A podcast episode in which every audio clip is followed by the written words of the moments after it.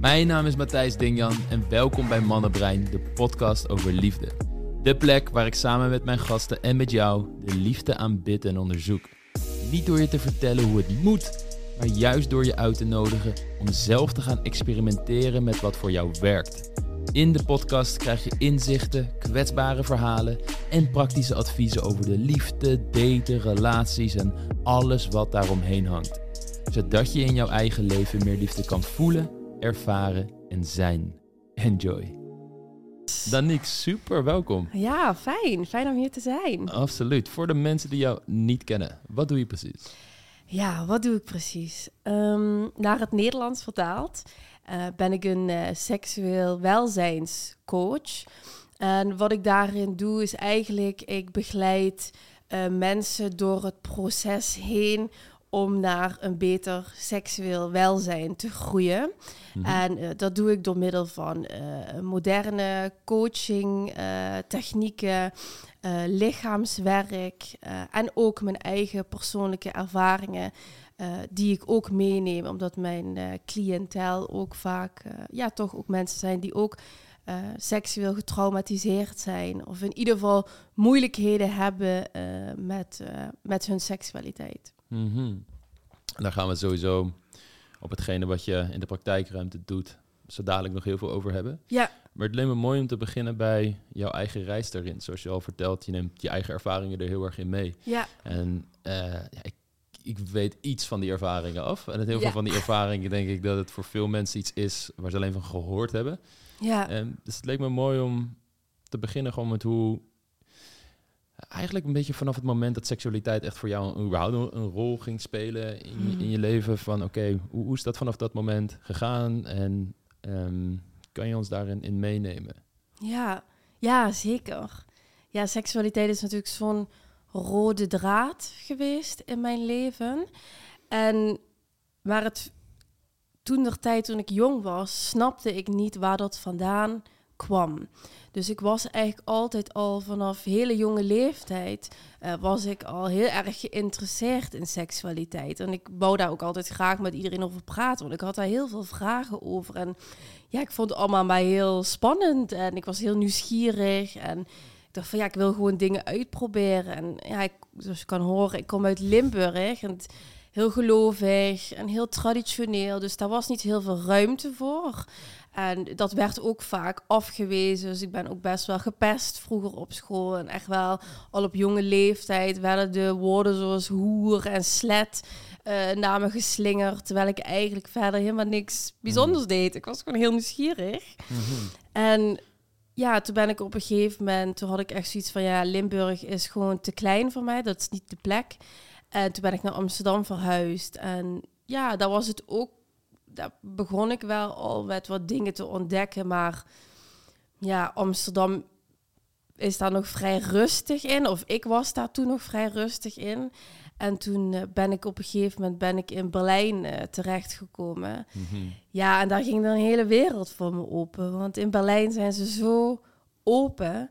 En um, ja, kun je zo of heb je zo makkelijk toegang om dat soort dingen te experimenteren. En dat voelde in Amsterdam nog altijd een beetje ver van mijn bedshow.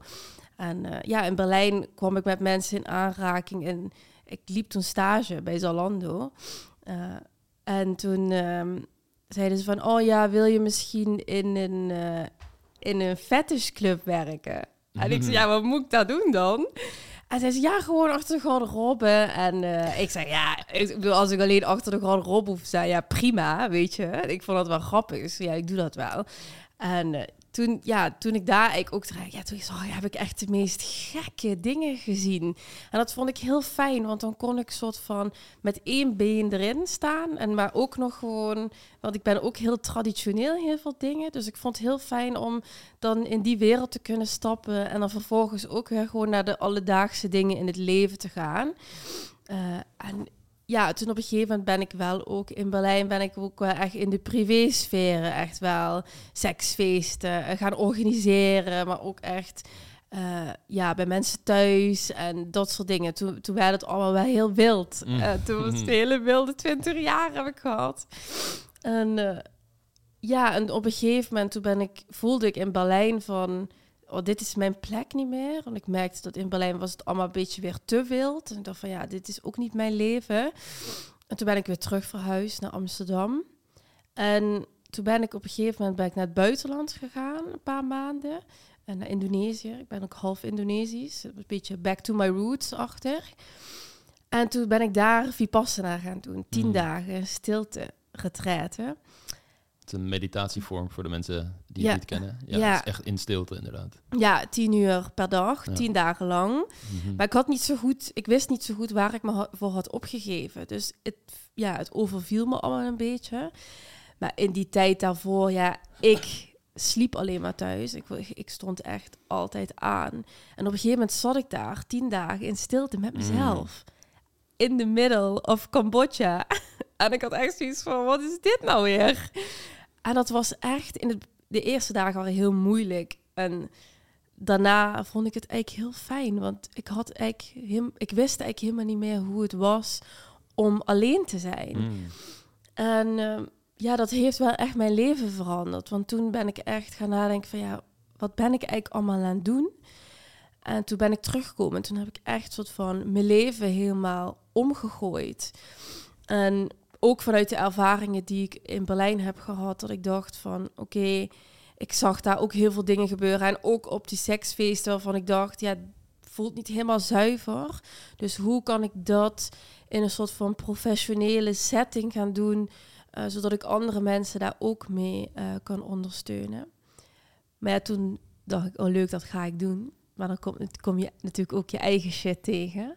En toen heb ik dat eerst ook allemaal een plekje moeten geven om vervolgens ook de goede coach te kunnen zijn die ik nu ben.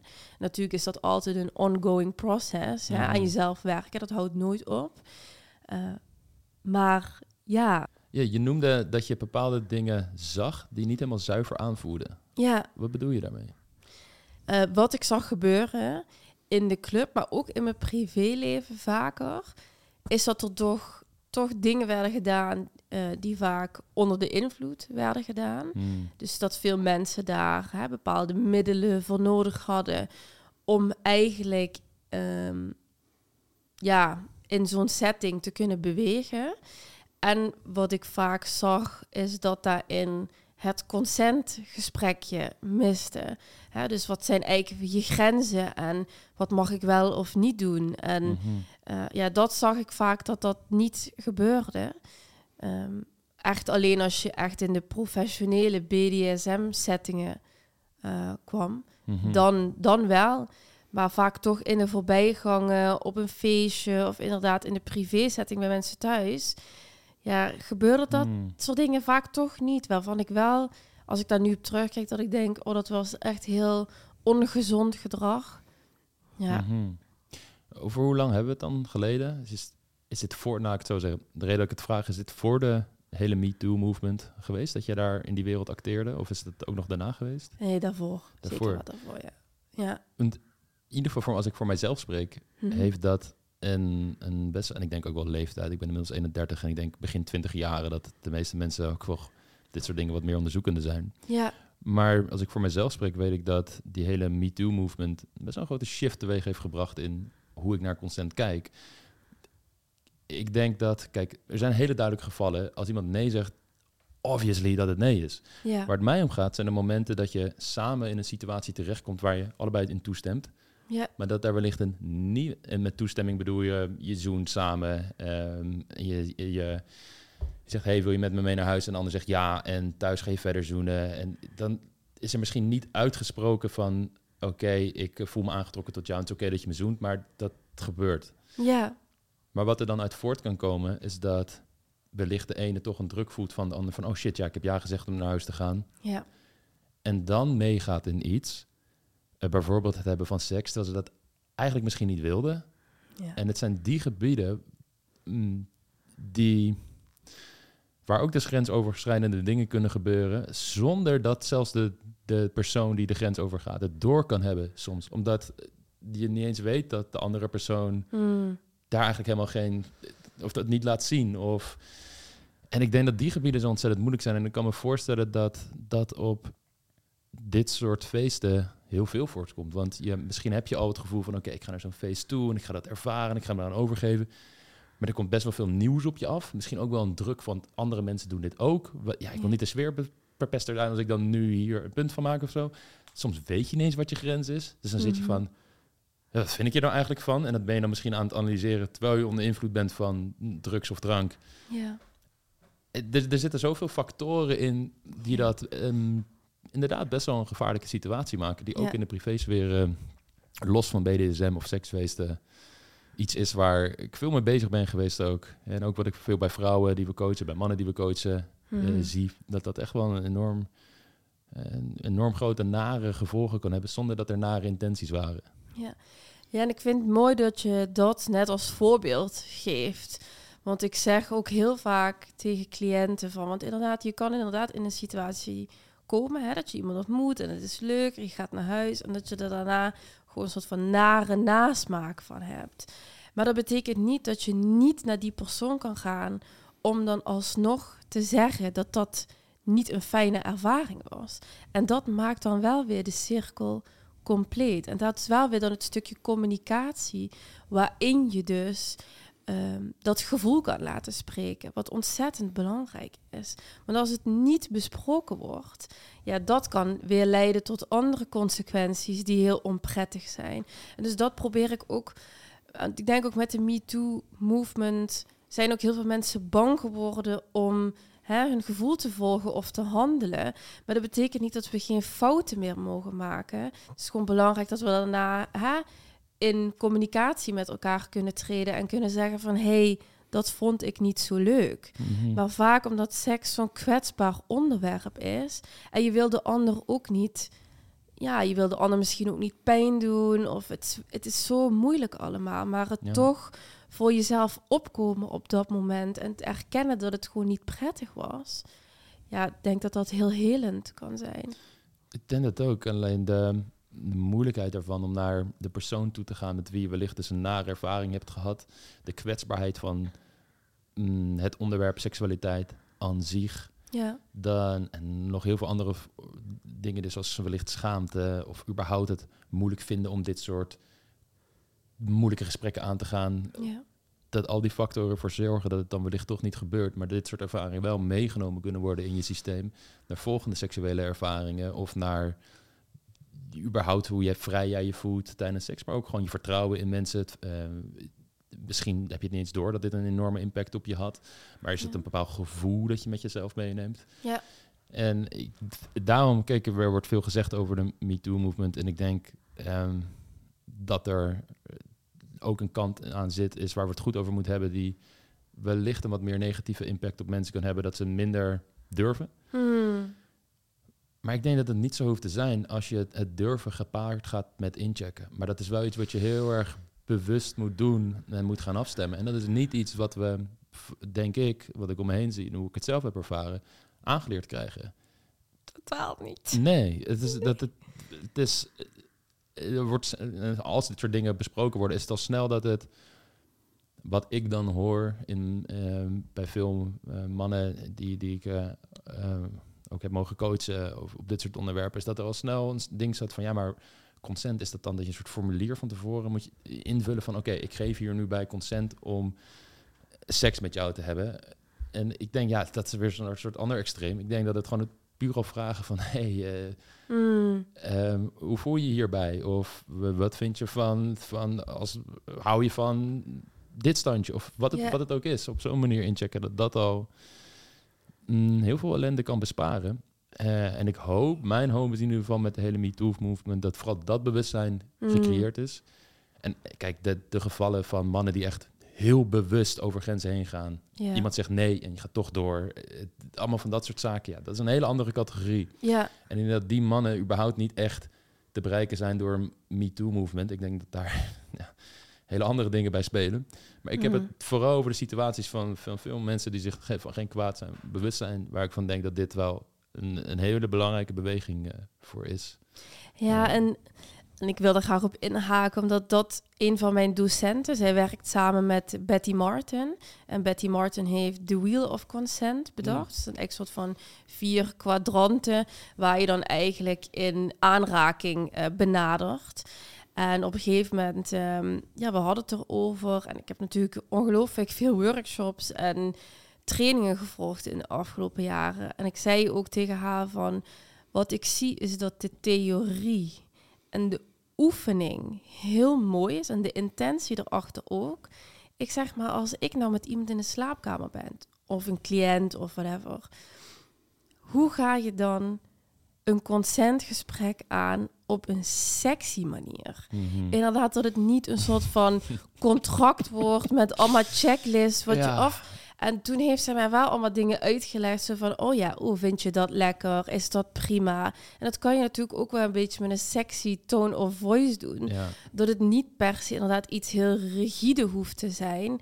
Maar dat je wel even incheckt van, hey, vind je dit leuk? Is dit lekker? Is dit prima zo?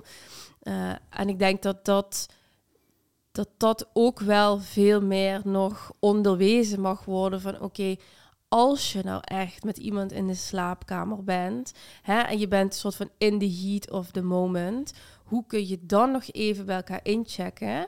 En één ding wat ik ook heel mooi uh, vond, wat ik heb geleerd, is gewoon even een pauze inlassen.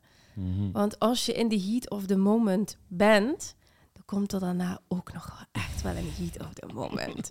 Snap je? Ja. ja. ja. En dus dan even pauzeren en even gewoon, weet je, glaasje water, glaasje thee drinken. Even voelen van, ja, waar zit ik nu?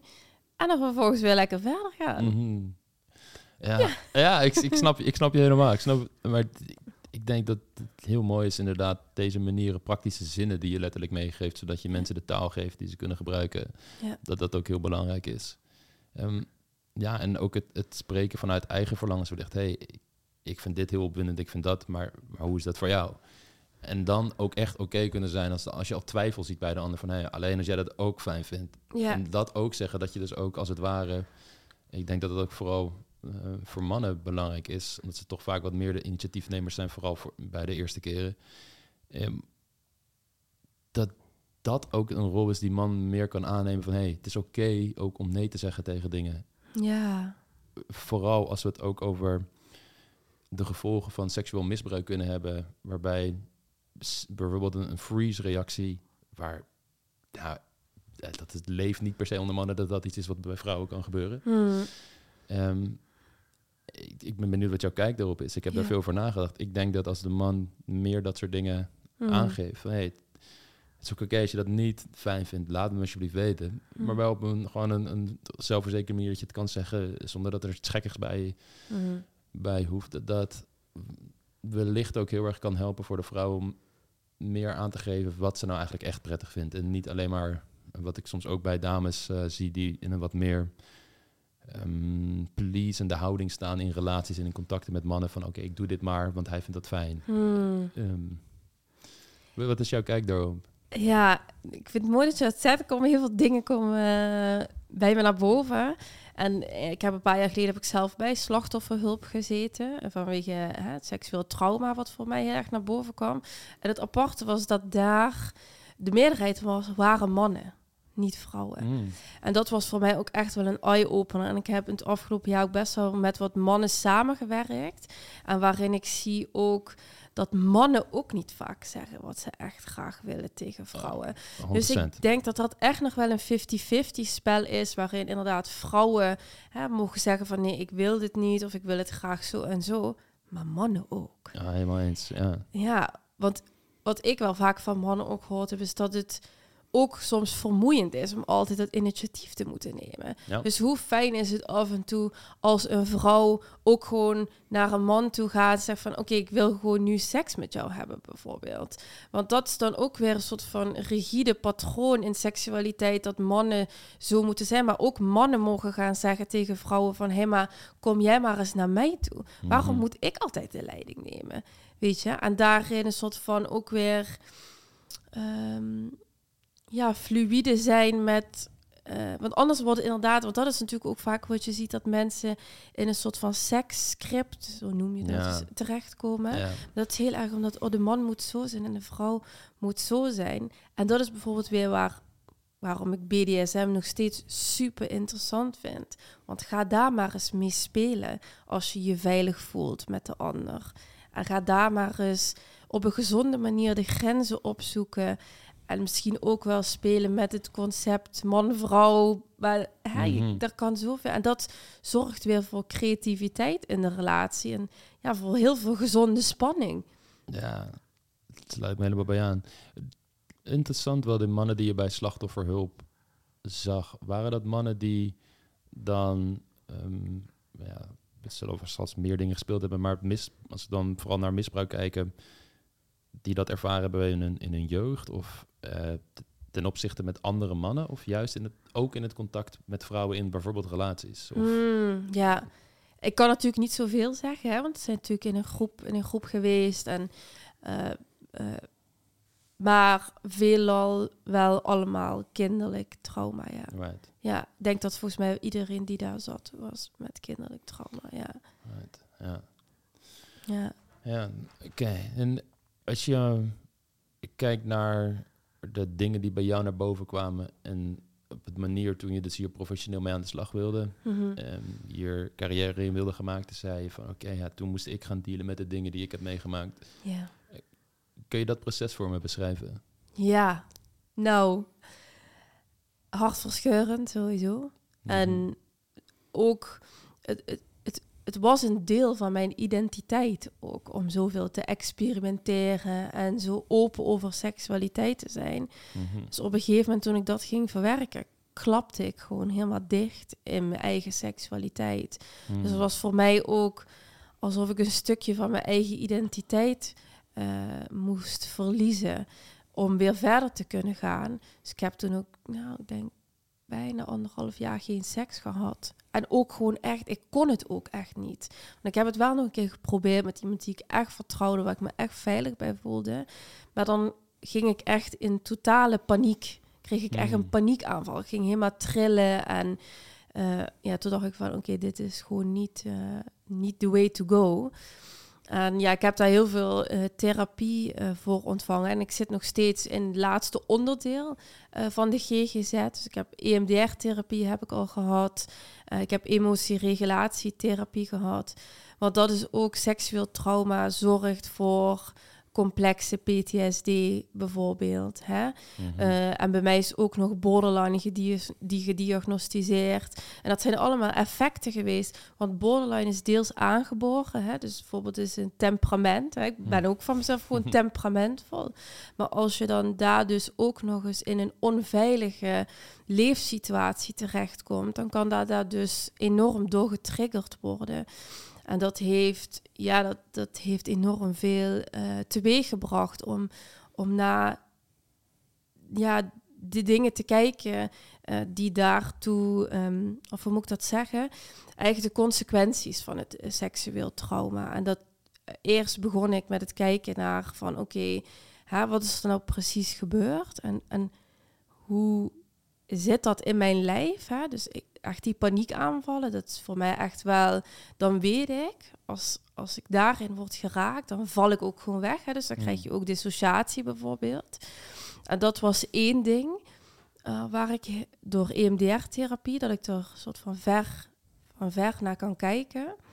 Ehm, en emotieregulatie is dus van inderdaad van oké, kan ik op een gezonde manier met mijn emoties omgaan? Omdat mijn copingmechanisme is heel erg geweest, oh ik voel iets, actie. En actie was dus in seks, in drugs, in heel veel werken, eh, heel veel, heel groot sociaal leven leiden altijd. Dus ik was altijd in die actiemodus Afleiding. afleiding, constant van dat gevoel. Dus dat was voor mij ook echt wel zo van, oh, niks doen is echt magisch, want dan krijg je weer soort van ruimte voor je gevoel. Ehm, ja, en, en het stukje eenzaamheid ook, want je bent natuurlijk heel alleen in je gevoel. Ook als het in de, in de huissferen vooral plaatsvindt, ga je heel erg afgeschermd leven. Dus dat zorgt voor een enorme muur eh, tussen jou en de ander. En dat is iets wat ik nog steeds heel erg aan het leren ben. Dat gevoel van eenzaamheid en hoe ik me daar dus dan weer in kan verbinden met de ander. En dat is wel, ja, ik moet het wel echt zeggen, omdat, en dat is dus ook weer gekomen, omdat als je als kind seksueel misbruik meemaakt, en vooral als het in, ehm, in de huiselijke sfeer is, ga je jezelf de schuld geven. Want je gaat nooit je ouders de schuld geven. Dus wat het gaat doen, het gaat zich tegen je keren. Waardoor je dus, waar, in ieder geval waar ik dus op een gegeven moment ook echt wel zelfmoordneigingen heb gekregen. Ik heb mezelf ook echt wel pijn gedaan op heel veel verschillende manieren. En ehm, ja, dat, dat gaan verwerken is Hmm. echt eh, berg op, berg af. En nu stabiliseert zich dat veel meer. En ik ben wel echt wel zo ongelooflijk blij eh, Hmm. dat ik van nature echt een doorzetter ben. Eh, en dat ik niet eh, de handdoek in de ring heb gegooid. Want dat, die neiging heb ik wel heel vaak gehad, ja. ja. Hmm. Wat was de impact van het misbruik dat je hebt ervaren, de manier hoe jij relaties aanging op het moment dat je de volwassenheid bereikte? Ja, wegrennen. Hoe dichterbij, altijd wegrennen. Hmm. Ja, ik vond dood, doodeng. En, want ja, je relaties spiegelen jou natuurlijk ook, hè, deels. Maar ik wou helemaal niet die spiegel voorgehouden krijgen, want dat, dat deed zoveel pijn. Dus ik was gewoon altijd aan het rennen. En niemand kon ook dicht bij mij komen. En het is ook wel heel interessant, want toen ik het begon te verwerken, ging ik pas zeggen hoe ik me voelde. En dat mensen echt zeiden van, ja, maar jij bent toch altijd zo gezellig en zo leuk. Maar dat was ook van, weet je, ik was gewoon altijd een showtje aan het draaien. Maar dat zorgde voor zoveel afstand tussen mij en de ander. En ja, dat, dat, dat heb ik wel echt moeten leren. Maar dat mijn relaties waren gewoon heel moeilijk. En bij het moment van conflict, dan was het gewoon, ik ben gewoon weg. Doei. Hmm. Ja. Wat was voor jou het moment dat je dacht, oké, dat afleiding zoeken, mezelf wegrennen van uh, alles wat er eigenlijk echt speelt, dat gaat niet langer. Kun je dat moment beschrijven dat je dacht, oké, ik ga hulp zoeken? Ja. ja, natuurlijk deels was dat door mijn reis eh, naar Azië. Dat ik op een gegeven moment daar ook, eh, ja, ook echt wel zo in de natuur was. Dat ik dacht van, ja maar er is, zo, er is zoveel groter dan mij. En er moet toch wel ergens een soort van grotere reden zijn waarom ik hier ben of zo. Dat klinkt een beetje cliché, maar dat, dat krijg je wel heel erg als je daar op een gegeven moment... We waren echt in de jungle.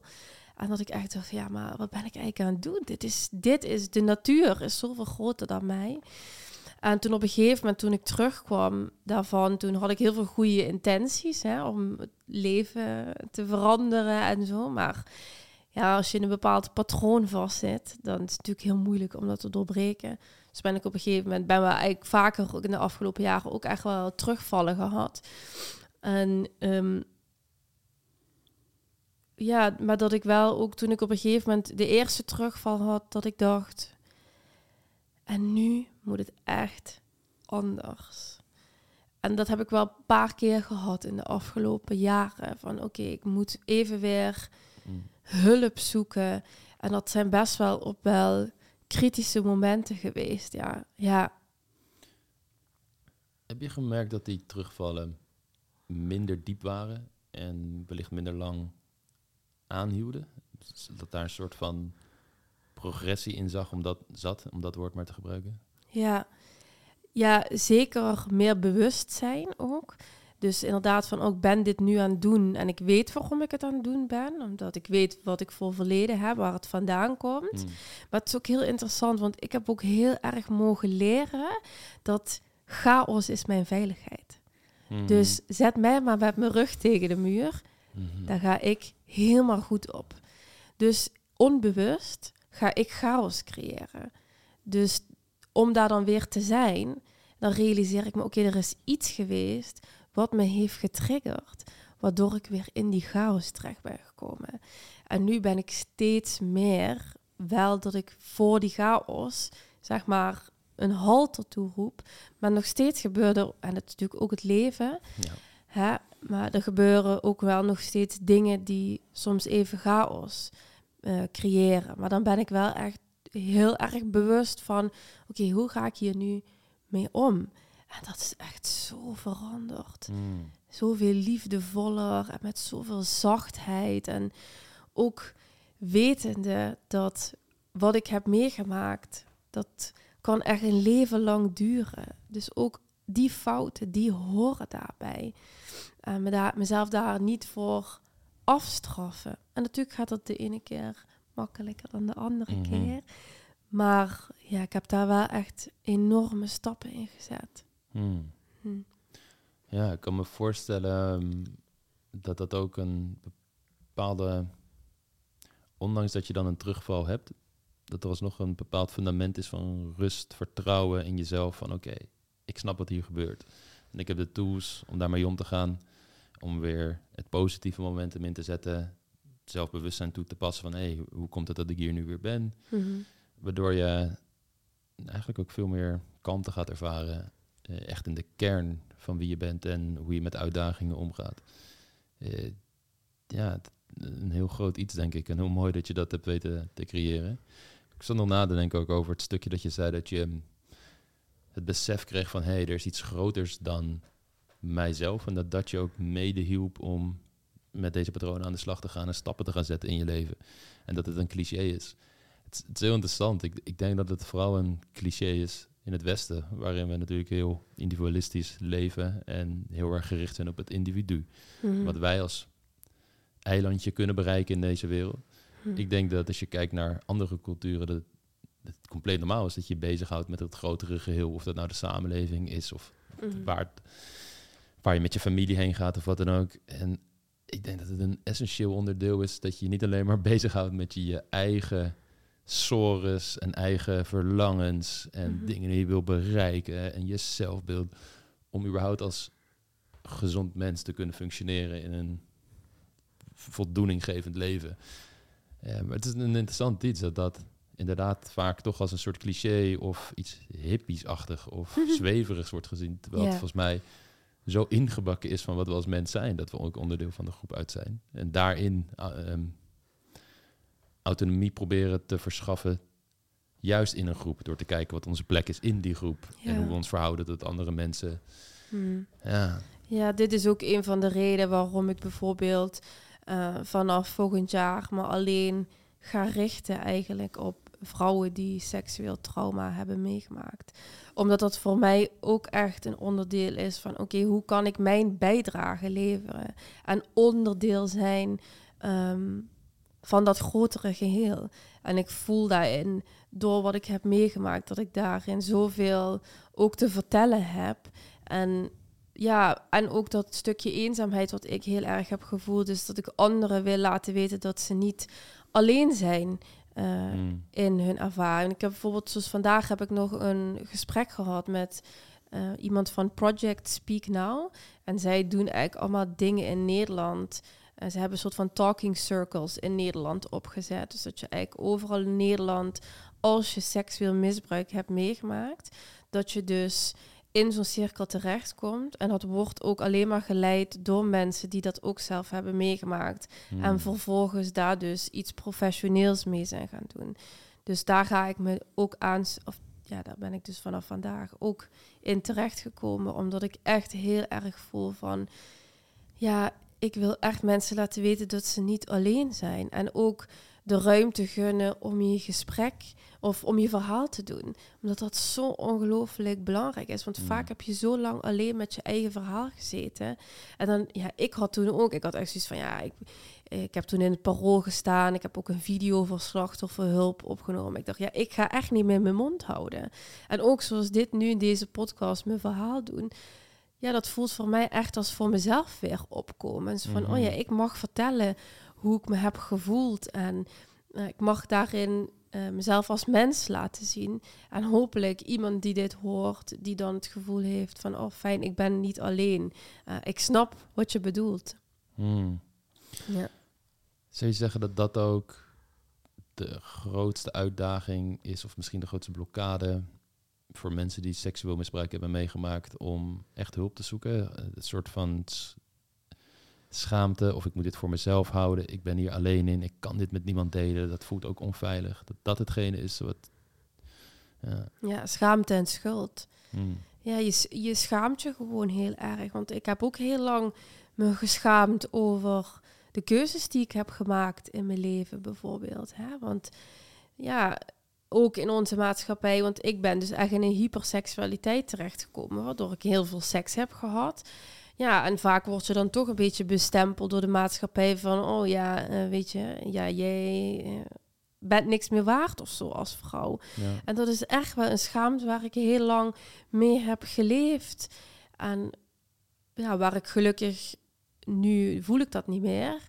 En ook heel erg schuld van wat ik heb nog steeds soms bijvoorbeeld na mijn vader. We waren deze week op een crematie. En dat ik me dan schuldig voel dat hij alleen gaat sterven.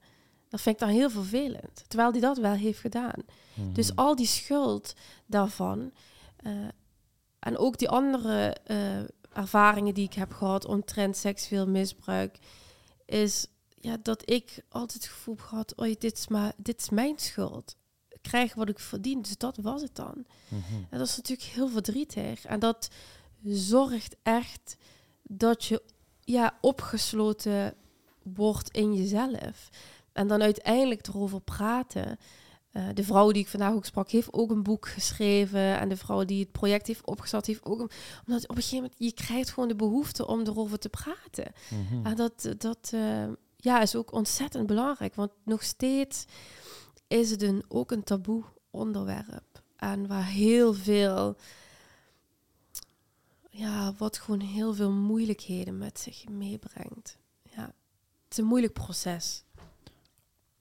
Hoe is het nu dan voor jou om met dit soort thema's om te gaan? Zoals die schuldgevoelens, eh, wellicht ook het verdriet of boosheid, wat de thema's ook zijn. Hoe is je relatie tot die thema's veranderd in de loop van tijd? Hm.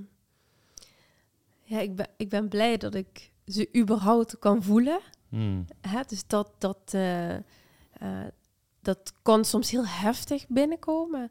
Maar ik heb ook geleerd dat dat juist een positief onderdeel is van het proces.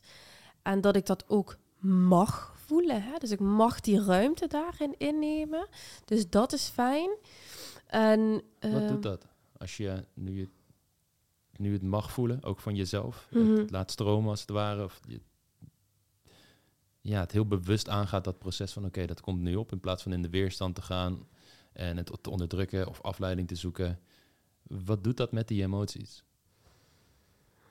Hmm. Ja, goede vraag. Wat doet dat met die emoties? De reden dat ik het vraag, Ja. om ehm, wat meer richting te geven daarin is, veel mensen zijn bang dat als ze die emoties eenmaal de vrije loop laten en dat dus gaan voelen, Mhm. dat ze zichzelf erin verliezen. Ja. En ik denk door het proces wat jij hebt meegemaakt, door therapie op te zoeken en ook in vooral zwaardere traumatherapie vormen zoals ehm, behandelingen zoals EMDR, die helpen om in ieder geval uit de echte zwaarte van die emotie om te gaan, zodat je Hmm. er meer mee om kunt gaan en het ook meer toe kan laten. Dat dat ervoor zorgt dat je ook geleerd hebt om die emoties te reguleren en het dus aan kan, je jezelf kan dragen Ja. in zo'n situatie dat de emotie naar boven komt. ja. En dat zou je, als je het even helemaal plat slaat, als een soort vaardigheid kunnen zien van oké, ik ben in staat om dat te doorvoelen, Mhm. zodat het wellicht kan gaan stromen, ik het kan verwerken en ook weer los kan laten. Ja. Ehm, en is dat ook hoe jij het ervaart? Dat als je, ja, Ja, dat is echt totaal hoe ik het eh, ervaar. Dat ik me heel goed realiseer nu op dit moment. Oh, ik voel iets. En aan het einde van de tunnel is altijd licht. En ik hoef er niet meer omheen te gaan of het te verstoppen of weg te duwen. Want ik weet nu dat dat geen zin heeft. Mhm. Dat doe je jezelf alleen maar nog meer pijn mee. Dus het aangaan daarvan en het onderzoeken ook ervan. Van oké, wat betekent dit nu voor mij en wat wil ik hè, daar nou mee? Eh, dat is echt een ontzettend cadeau eh, geweest in mijn leven. En ik vind, dat zei ik deze week ook nog tegen iemand van... Ja, voor mij is niks vanzelfsprekend. Dus als ik dat ervaar, dan is voor mij echt zo van... Wow, dit is zo cool. Hmm. Want dat is voor mij gewoon niet vanzelfsprekend dat dat zomaar kan. En dat dat mag. Dus ja, dat is fantastisch om nu te ervaren dat het zelfs verwelkomd wordt. En dat mensen ook blij zijn als ik dat doe. En ook voor mijn eigen Hmm. gevoel van rust en met mezelf zijn. En dat, dat ja, dat, dat, dat- als ik daar alleen aan denk, dan word ik alweer helemaal blij. Ja. Het is een krachtige vraag die je jezelf daar stelt. Wat wil ik? Ja. Omdat ik moet dan denken aan een, een, quote van Alex Hermosi. Het is een business coach die beschrijft dat als hij angst ervaart, dat hij dat altijd ziet als een gebrek aan opties. En de angst is dan, dit gaat nu gebeuren en ik heb geen andere opties. Mhm. En als hij dan uitzoomt en dan van oké, maar wacht even. Wat zijn mijn opties? Creativiteit. Laten we al die krachtige eigenschappen die mijn persoonlijkheid ook heeft, die ik heb ontwikkeld, die mij kunnen helpen in zo'n situatie om nieuwe opties te creëren. Mhm. En als hij dan dus eigenlijk zijn veld verruimt, zijn, zijn blik verruimt, wat beter datgene wat hem angst inboezemt in perspectief kan zien, dat de angst dan dropt. En dat hij Mhm. dus weer een, gevoel van interne controle krijgt in zijn leven. En denkt van, oh oké, dit is... ehm hoe ik ook met de situatie om kan gaan. En ik hoor jou dat eigenlijk ook een beetje doen van, oké, het is niet... Deze angst komt nu op en dat is verkeerd. En ik heb geen andere... Of eh, eh, een negatieve ervaring en er is niks anders dan dat. Maar oké, Mhm. dit komt op. Maar wat wil ik hiermee? Wat, wat kan ik hiermee? Hoe kan ik dit... ja, mm, Ja, en, en, en zeg maar voor mij ook heel erg leren dat angst is een signaal waarin ik iets mag leren. Het is een soort van beste vriend. Van, Mm. oh ja, ik neem je mee onder de arm en je vertelt mij iets. Want waarom ben ik eigenlijk bang? En ja. want angst en spanning kan ook iets gezonds betekenen. Dat je iets nieuws doet. Hè? Dus net zoals met Ja. de liefde. De liefde is hartstikke eng en spannend. Mhm. Maar dat betekent niet dat het ongezond hoeft te zijn. Of dat het slecht is.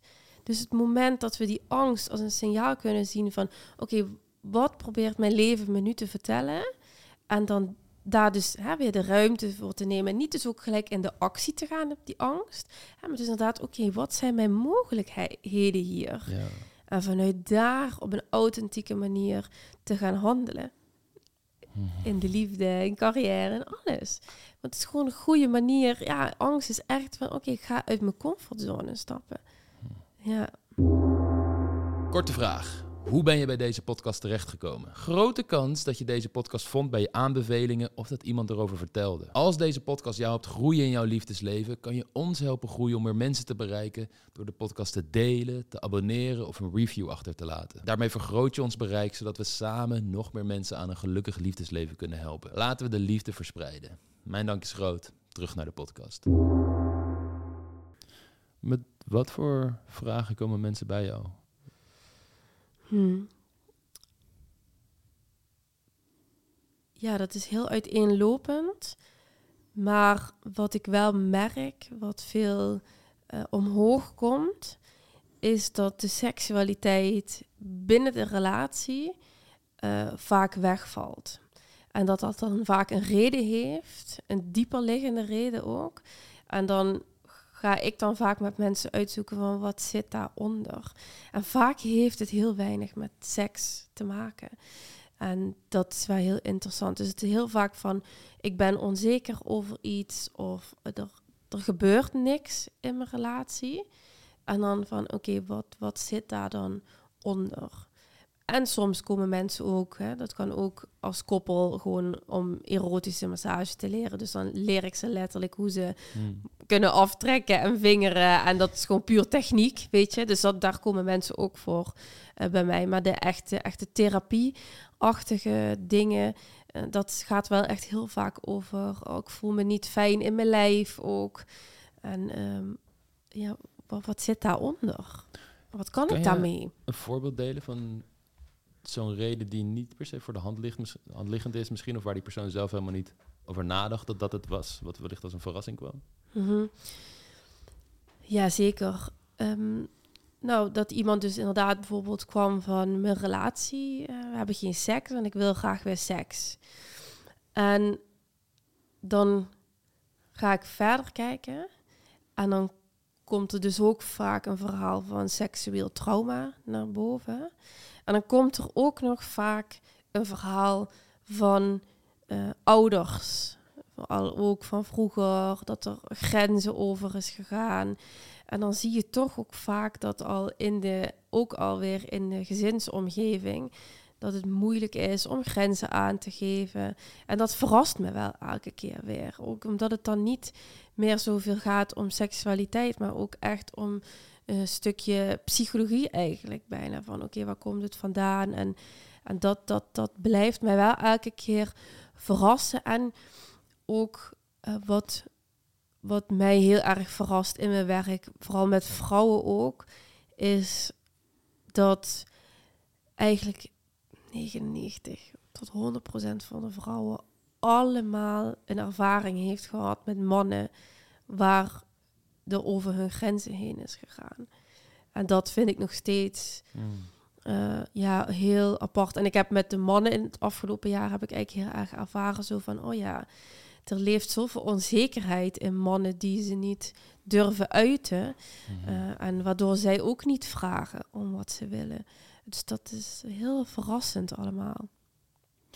Ja, absoluut. En ik denk dat die onzekerheid binnen mannen er ook weer voor zorgt dat ze minder ruimte hebben om ook goed in te checken en af te stemmen op de vrouw.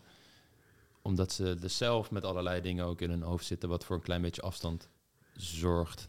Ehm, maar ik was er nog wel nieuwsgierig naar het stukje psychologie dat je noemde dat er thema's naar boven kunnen komen uit het gezin van herkomst, waarbij er bijvoorbeeld door de ouders over grenzen heen werd gegaan. Mhm. En ik vermoed dan niet zozeer alleen op uh, natuurlijk het seksueel gebied, maar bijvoorbeeld een dominante ouder ja. die overwoekerend is, snel boos kan worden of jou als kind het gevoel geeft dat je het verkeerd mhm. doet, niet goed genoeg bent. Wat al um, ervoor kan zorgen dat je um, je voelspriet ontwikkelt om te kijken van oké, is mijn ouder in de juiste bui, doe ik niks verkeerd. Dus mhm. bij jezelf wegbeweegt om de relatie maar rustig en veilig te houden met een onveilige ouder. Waardoor het lastig wordt, kan ik me voorstellen, om ook in je lichaam te landen tijdens andere kwetsbare situaties, gevoelige situaties zoals seks. Ja. En om dan te gaan voelen wat jouw behoeften zijn. Mhm. In plaats van dat je in de voelsprieten zit om te, in te checken of de ander eh, wat die wil en, en wat die prettig vindt. Mhm. En dat dus inderdaad op zo'n manier niet leren van aangeven van grenzen in de kind-ouderdynamiek in de jeugd een invloed kan hebben mhm. op het seksuele leven later. Zijn dat de thema's? Ja. Ja, want hoe ik werk, hè, is zeg maar, uh, ik verdeel altijd een soort van seksueel welzijn in uh, het mentale stuk, het uh, fysieke stuk en het sociale stuk. Dus eerst kijken we dan inderdaad van, hè, wat zijn je overtuigingen over seksualiteit? Wat heb je geleerd eigenlijk van je ouders over seksualiteit? Van je omgeving, uh, je religie, spiritualiteit, social media bijvoorbeeld, enorme mhm. invloed. En dan vervolgens ga je kijken van, oké, wat zijn dat dan? Hoe kan ik dat dan soort van ombuigen voor mezelf? En mhm. wat kan ik daaruit leren? Nou, en bijvoorbeeld ook door te kijken naar uh, eerdere seksuele ervaringen die wel prettig waren en niet prettig waren. Dus wat kan ik daar dan uit leren? En dan vervolgens het stukje, uh, het, het, lichamelijke stuk. Dus oké, kan ik mezelf aanraken bijvoorbeeld? Maar kan ik ook in de spiegel kijken en vind ik mezelf dan mooi of niet?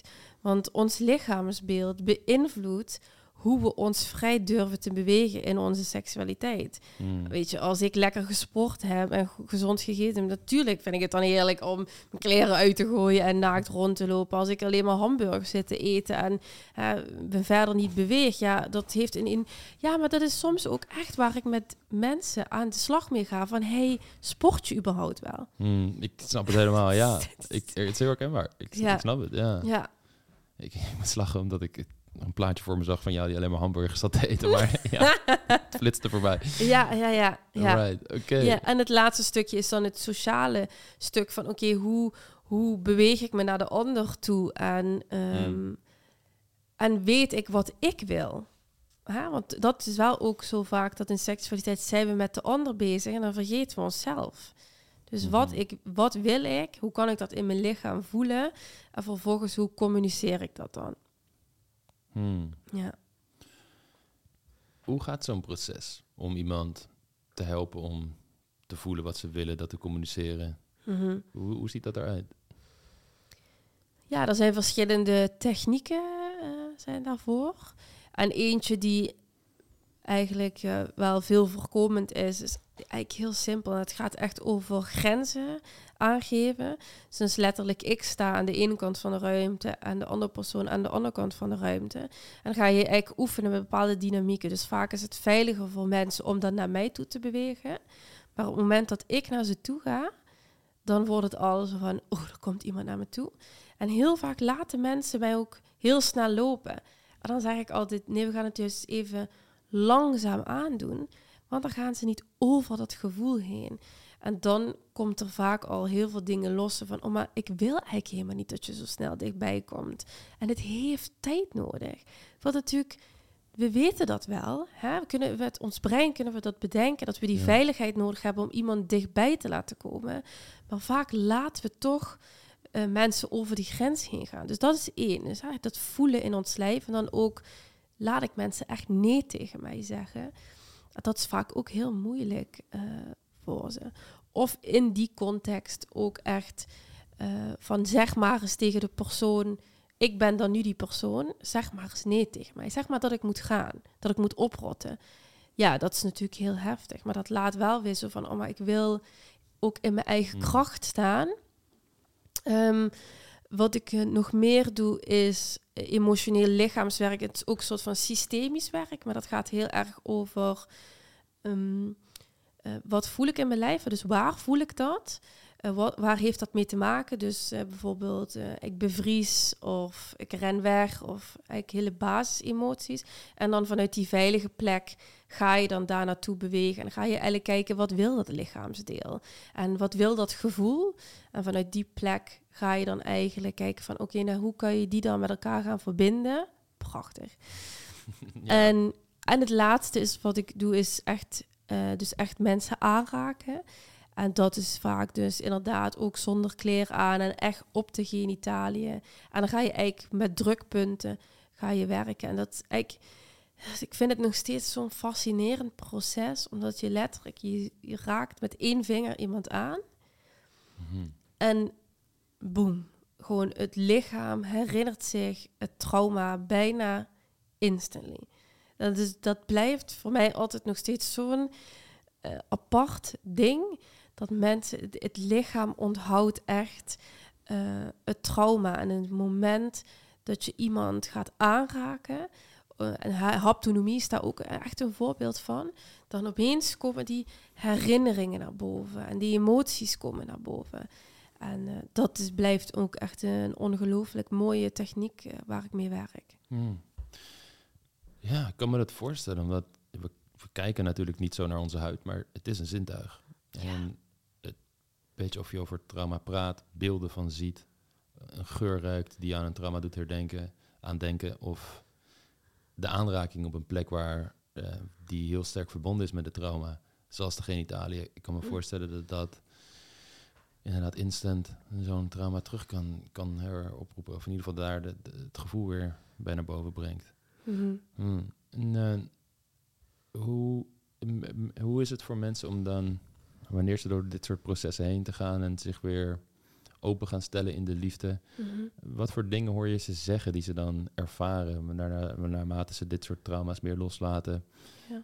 meer in contact komen met het voelen en hun eigen behoeften? Hoe, wat Hm. beschrijven ze dan vaak? Ja, ik heb gisteren nog een eh, traject met een cliënt af, eh, afgesloten. En die zei ook van ja, het het is zo fantastisch. Hmm. Zij heeft voor de eerste keer echt seks gehad met haar vriend. Terwijl ze al jarenlang een relatie hebben. Hmm. Maar nog nooit dat stukje van haarzelf daarin durven te leggen. Waardoor ze nog nooit elkaar op die manier eh, hebben kunnen ontmoeten. Dus dat, dat, dat, dat is echt wel, dat vond ik echt prachtig. En ook ehm, mensen die bij mij zijn geweest die een operatie hebben gehad. eh, waardoor ze ook niet meer eh, zich verbonden voelden met hun eigen lichaamsdelen. En dan op een gegeven moment weer ja, daar echt van kunnen genieten en zo. En dat, dat, dat blijft altijd zo'n cadeau om dat te horen. En de inzichten die, die mensen daaruit krijgen. En, En dan vervolgens, want dat is leuk. Het gaat natuurlijk om seks, maar ik zeg ook altijd, oh, in wat voor uh, of in welk ander deel van je leven kan je dit dus ook toepassen? Want soms kan seks en liefde nog te kwetsbaar zijn. Dus dan gaan mensen dat bijvoorbeeld al wel in hun werk toepassen. Hmm. Dus dan gaan mensen alweer mm. in gesprek in hun, op hun werk en dan boeken ze succes. En dan, ja, dat is natuurlijk fantastisch om dat, om dat te horen. En dus het, het, het, het, het, het raakt heel veel verschillende kanten van het leven aan. En daar zie ik dan of mensen gaan opeens hun huis helemaal verbouwen. Omdat ze eigenlijk dan niet... Uh, ja, ze hebben eigenlijk niet echt goed voor hunzelf gezorgd. En het huis is een beetje slordig geworden. En dan gaan ze opeens een schoonmaakster inhuren. en dan gaan ze hun huis verbouwen. En op reis en zo. En dat soort dingen. En dat is natuurlijk fantastisch om dat mhm. eh, mee te mogen maken. En daar een stukje in mee te mogen lopen. Het is heel herkenbaar van wat mhm. wij ook bij cliënten zien. Ja, dat denk ik, ja. Ja, vaak um, op het moment dat um, bijvoorbeeld de complimenten dat iemand positief aan het veranderen is, dat ze meer mm. zelfvertrouwen uitstralen vanuit collega's, vanuit vrienden, vanuit kennissen, familie. Op het moment dat die complimenten gaan komen, dan weet ik altijd van oké, dan gaat het niet lang meer duren voordat ze ook een man gaan ontmoeten met wie ze dat relatiepad kunnen bewandelen mm. en een liefdevolle relatie krijgen. Dat is, dat is vaak een voorbode dat dan inderdaad op een toch vaak een wat kwetsbaarder stuk, de liefde, seksualiteit, dat daar dan ook echt veranderingen in voortkomen. Ja, het is echt heel herkenbaar. Grappig is dat. Ja. Hmm. Ja, ik denk dat toch. ik denk dat wat, wat jij en ik allebei wel doen, raakt natuurlijk hetzelfde aspect aan. En ik denk dat wat ik wel altijd zeg is dat omdat seks toch nog een taboe is, het moment dat dat aangeraakt wordt, dan zijn, staan alle deuren ook open. Hmm. Dus dan is het heel makkelijk om de rest ook mee te pakken. Maar het, en liefde raakt ons natuurlijk ook echt in het diepst van ons bestaan. Het natuurlijk maakt ons zo kwetsbaar. Ja. En, uh, dus ja, ik, ik snap wel dat, uh, ja, dat daar veel gelijkenissen in zitten, omdat het beide een kwetsbaar ding is. Waar ik dan nieuwsgierig naar ben, op het moment dat je een, een, oefening doet waarbij je bijvoorbeeld met je vinger genitaliën aanraakt. Als, mhm.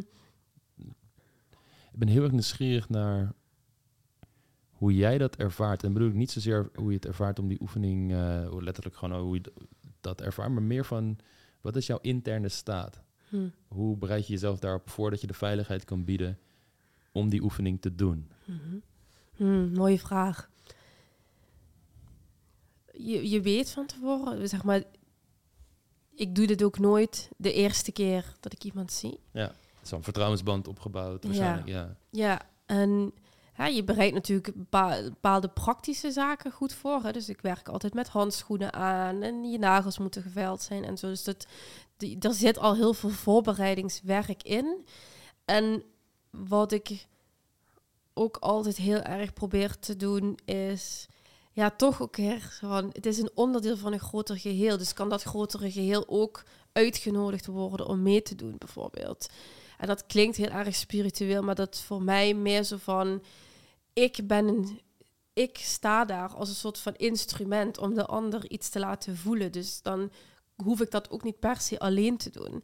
En ehm, dus ik bereid me daardoor, ja, daardoor door te voelen van oké, wat wil het grotere geheel?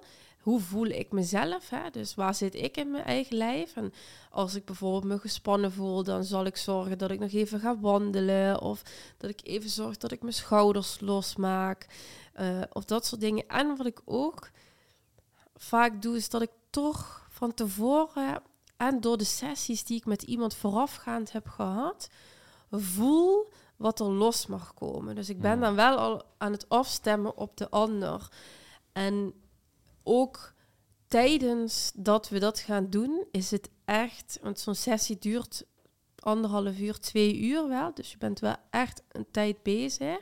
En je gaat inderdaad de hele tijd afstemmen. En dat is echt stapje voor stapje. Eerst over de deken heen. En ook zij moeten mij uitnodigen. Hmm. Ik doe nooit iets wat niet gevraagd wordt. Hmm. Dus dat, dat, dat, en daar gaat dus de hele tijd die afstemming in van oké, hè, als jij er klaar voor bent, nodig me maar uit. Oké, nu gaan we dit doen. Hè, dus het wordt allemaal heel. Dus ik, ja, ik ben natuurlijk volledig in een soort van service naar de ander op dat moment. En helemaal scherp daarbij van oké, we gaan dit doen. Ehm, en dat vraagt heel veel intuïtie ook. Want om iemand zo diep in zijn lijf te laten voelen, ja, dat is nogal wel een proces. En waar ook inderdaad dan echt wel trauma los kan komen met schreeuwen en schoppen en gillen en dat soort dingen. En ook daarin een veilige bedding voor mensen creëren van laat die emotie maar los, laat het maar gewoon gaan.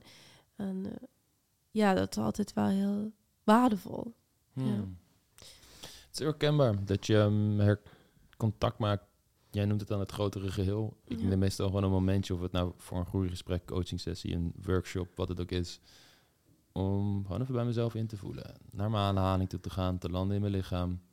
En mezelf toestemming te geven om wat er opkomt, dat dat opkomt. Hmm. Um, connectie te maken met van oké, ik wil mijn intenties om deze persoon te helpen, maar ook als het niet lukt of er is geen match, is ook oké.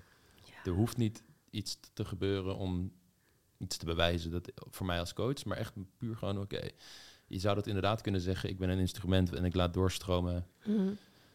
Mm, wat er op dat moment nodig is, zodat ik hier wel hopelijk iets van waarde kan bieden. Maar als dat niet zo is, dan, ja, dan, dan is dat het. Ja. Eh, dat is wel herkenbaar, wat uh, volgens mij er ook voor zorgt dat je veel beter dus afgestemd bent. Minder in je eigen, bijvoorbeeld op strategieniveau bezig bent of, of mhm. wat dan ook. Maar echt in het moment kan zijn. Waardoor die afstemming er is wat veilig aanvoelt voor de ander. Ja. En in die omgeving, dat is eigenlijk al het helende, het, hm. het, het, stukje coaching, dat die veilige afstemming er is, zodat iemand ook zichzelf, nou in jouw geval zelfs letterlijk meer bloot durft te geven. Hm. Uh, ja. ja, en ik zeg altijd, coachen is eigenlijk het luiste beroep wat er is. Want je moet echt achterover kunnen leunen en de juiste vragen kunnen stellen. En daarin doortastend kunnen zijn. Hmm. Zonder daarin je eigen agenda te kunnen doorvoeren. Dus je moet die strategie moet je ook echt achterwege kunnen laten. En zo van, oké, wat voel ik nu? En dat heb ik ook heel erg mogen leren inderdaad. Want dat zei ik net van, oké, maar ik mag mezelf ook inbrengen. Dus wat voel ik nu? Weet je wel? Hmm. En dus inderdaad ook daarin... Um, ik heb wel eens bijvoorbeeld met cliënten gehad... dat ik opeens schoot in soort van oh, maar we kunnen ook dit doen of dit doen. En toen dat ik daarna dan dacht van, oh, maar nu ben ik aan het werk. Dat is niet de bedoeling. Jij moet aan het werk. en dat ik dan daarna ook terugkom en zeg ik, oh, ik merk dat ik dit en dit heb gezegd. En ik merk dat we daarin de koers even kwijt zijn. Want ik wil wel graag dat het vanuit jou komt en niet vanuit mij. Want wat wil jij? Daar gaat het om. Dat zijn we hier om dat te onderzoeken. En dat heb ik heel erg geleerd, omdat het moment dat ik dus daarin wil hè, eh, een soort van schieten eigenlijk als het ware. En even overpresteren. Dat ik eigenlijk weer achterover mag gaan leunen en zeggen, ja, maar dit, zo gaan we het niet doen. Ja. Dit is niet hoe ik werk. Ja. Ik denk dat dat stukje kwetsbaarheid wat je daar toont als coach zo leerzaam is voor de andere persoon om te voelen hoe je over, mm, ja, laten we zeggen, een lastig onderwerp. Het is, het is, niet per se een lastig onderwerp, maar als professioneel heb je misschien een keuze gemaakt die uh, als het ware niet de juiste was en dat we daar weer het over spreken, wat wel lastig kan zijn. Mhm. Maar dat je laat zien dat dat oké is en dat dat kan.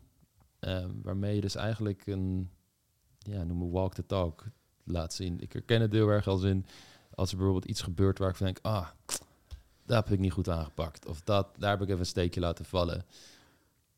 En als mensen daar naar, mee, met, naar mij toe komen, dat ik dat zo mooi vind, omdat we daar dan hmm. de reparatie gesprekken kunnen voeren van oké, hey, dit is gebeurd.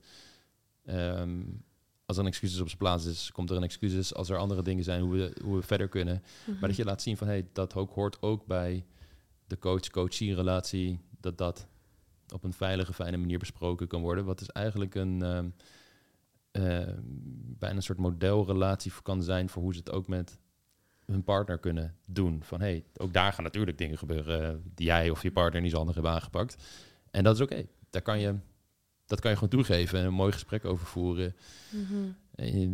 ja, het, is grappig dus om dat, te, om dat te horen dat je dan zoiets bij jezelf opmerkt en daar gewoon een normaal gesprek over aangaat. Want ja, waarom zou je dat ook niet doen? Maar, maar, ik merk wel dat niet iedereen dat kan. Ik hoor dat vaak ook uh, bij mensen, bijvoorbeeld in een baas versus uh, werk- en nemerrelatie. Dat Mhm.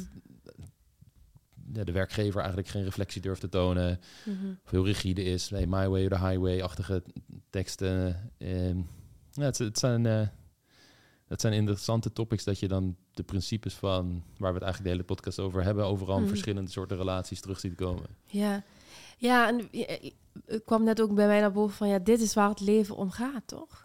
Ja, Mhm. want inderdaad, conflicten komen we altijd tegen. En dat is ook waarom hè, de cliënt, coach, cliënt, therapeut of wat, whatever, eh, als je aan jezelf gaat werken. Want dat is inderdaad wat je gaat leren. Hoe kan ik in mijn privéleven eh, door eh, conflict heen bewegen op een gezonde manier? En dus ook voor mezelf opkomen. En ook door te zeggen dat je iets fout hebt gedaan of dat het even niet lekker loopt. Dat is ook een manier van eh, voor jezelf opkomen. Want ik zeg eigenlijk, ik wil graag dat het goed gaat.